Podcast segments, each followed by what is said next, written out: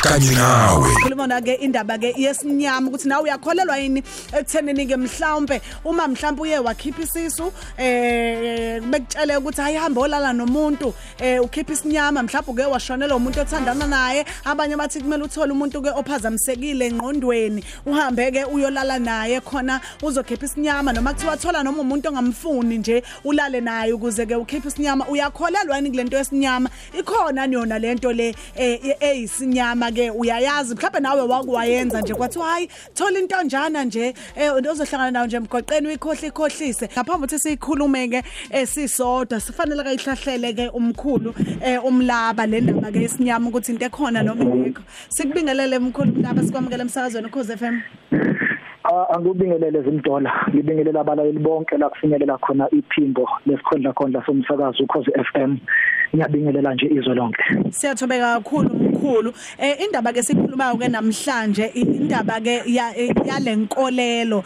yokuthi ke enye indlela ke yokukhipha isinyama emva kokuthi ushonelwe ke umathandana wakho noma umkakho noma ke umnyeni wakho noma ke ukhipha isisu. Mhlawumbe kufanele uzulale nomunye umuntu eh ukuze ke ukhiphe ke leso sinyama. Into ekhona leyo nefanele eh ukwenziwa na? Eh msakazi kuyinto ethanda ukujula kakhulu le ndaba yesinyama. Mhlawumbe engaqala ngigcizelele kakhulu ukuthi isinyama akusiyo nje into ongayithatha isinomu kanjani futhi ongayithatha kalula. Isinyama lesi siyinto ewumoya umoya lento kahle kahle akusiyo into ethathelanayo njengesifo but yinto emhaqayo umuntu. So uma umuntu eshonelwe noma eh, ekhiphe isisu bese hamba eyolala nomunye umuntu kuyizinto kuyizinkolololezo ukuthi uzobe lowo muntu eseshiya isinyama kulowo muntu. Akusinjalo zimdola kodwa into le yesinyama iyenzeka kanje uma mina ngibulala abantu ngihlala nonkosikazi wami la ekhaya.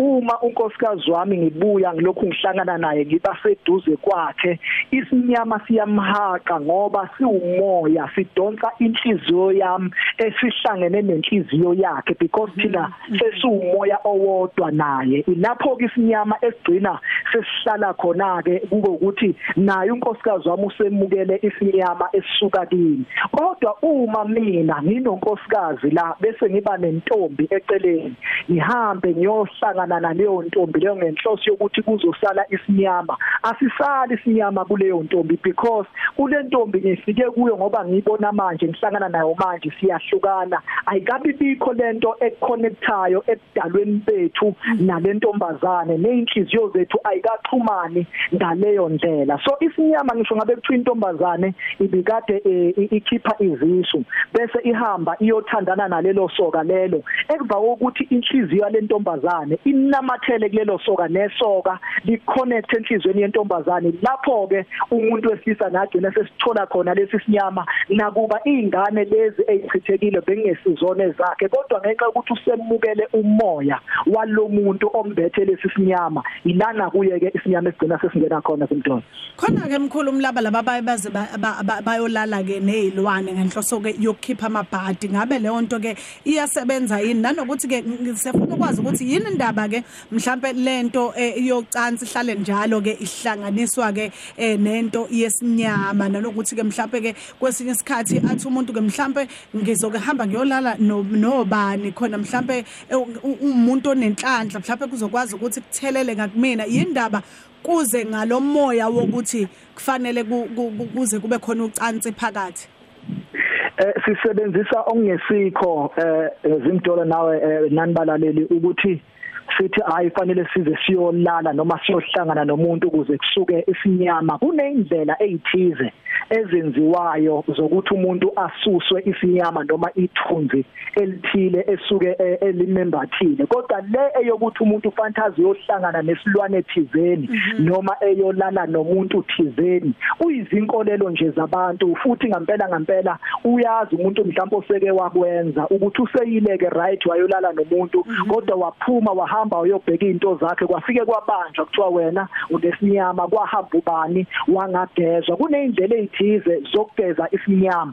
Uma umuntu ehaqwe isinyama. Lokho kuzinkolelo nje kodwa okuningi kusuke sekusuka nakuthina njengabantu abangabalaphi bendabuko. Yingakho ngihlala njalo ukuthi uma siveza lolu hlelo siphinde sishaye thina isifuba ngoba kukhona la esidukisa khona isizwe sigcina sifeza inhloso zethu nezinkanuko zethu ngamanga noma ngezinto engesili iqiniso nenhloso yokuthi sifuna ukuzuza lowo muntu othize. Uma kungenziwe lokho kwenziwayo ukuthi kugezwe isinyama ngendlela yokuthi sidinge izilwane ezithize bese siyagezwa asikwazi ukusuka ngokuthi ulale nomuntu kunalokho nje wena uyayiqhubekela uyayiyuza uyayisebenzisa ngento ngempela ngempela ngeke izikusize Okay.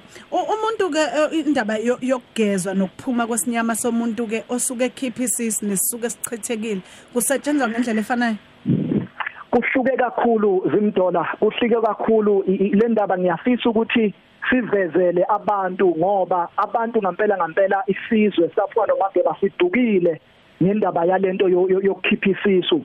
Bengifisa ukuthi umlaleli aqonde ukuthi umuntu okhiphe isisu umuntu lowo obulele umphefumulo kaNkuluNkulu nomphefumulo womuntu. So lowo muntu loyo okokuqala unecala ebudalweni nasemathongweni akubo. Ngaphambi kokuthi ayogeza isinyama ngaphambi kokuthi enze ilathi lengane akakwazi ukuthi alenze engakakhiphi inhlawulo yokuhlawula emndenini ashweleze ukuthi yena use senesande sibi sokuthi la ekhaya uyabulala. Sikhumbule eh msakazi ukuthi lo muntu makuthiwa sikhiphe isisu sibulela umuntu kusuke kufa umuntu lapho umoya owumuntu lowo inyama ewumuntu leyo. Nalokho kuyiqala ngempela ngempela ebudlozini ufike nesihlaze sibi ufike nomoya omubi wokubulala ebudlozini. So kudingeka ukuthi uma usuwenza into enjalo thina njengabantu abangabalaphi bendabuko sigcina sesingasalisebenzisa iqiniso sisebenzisa sisebenzisa amaqhinga athize uma sesikhuluma namadlozi njengokuthi sifike sithi eh nina bogogo nabomkhulu la sekulimale ingane ngenxa yokuthi bathe abesilungu ingane ayihlele sibelethweni uma siteta izofa. Kwase sikhetha ukuthi ingane ayikhishwe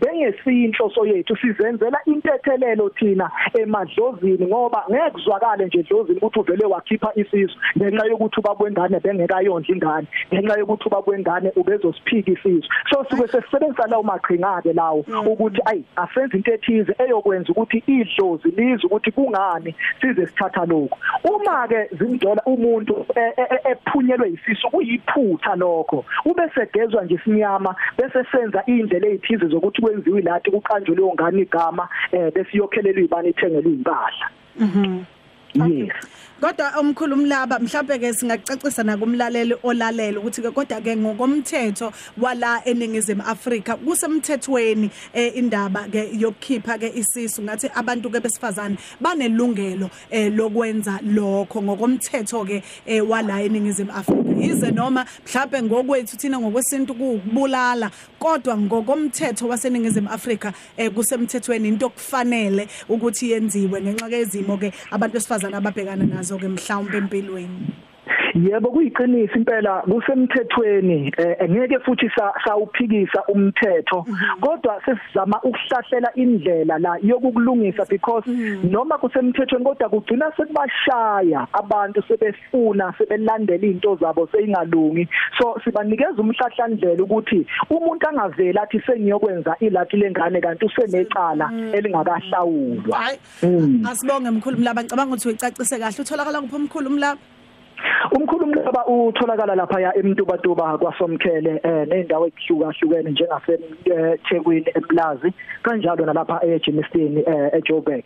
So umkhulu umlaba inumber atholakala kuzona ithi 063 702 1026 eyesibili ithi 076 492 110 076 492 01 abathathu igcina ngo0 angibonge zimdoda Danke siyabonga kakhulu. Lobe sikhuluma nawe yena ke umkhulu umlaba ecacisa wona ke indaba yesinyama. Khosi FM lo hamba phambili.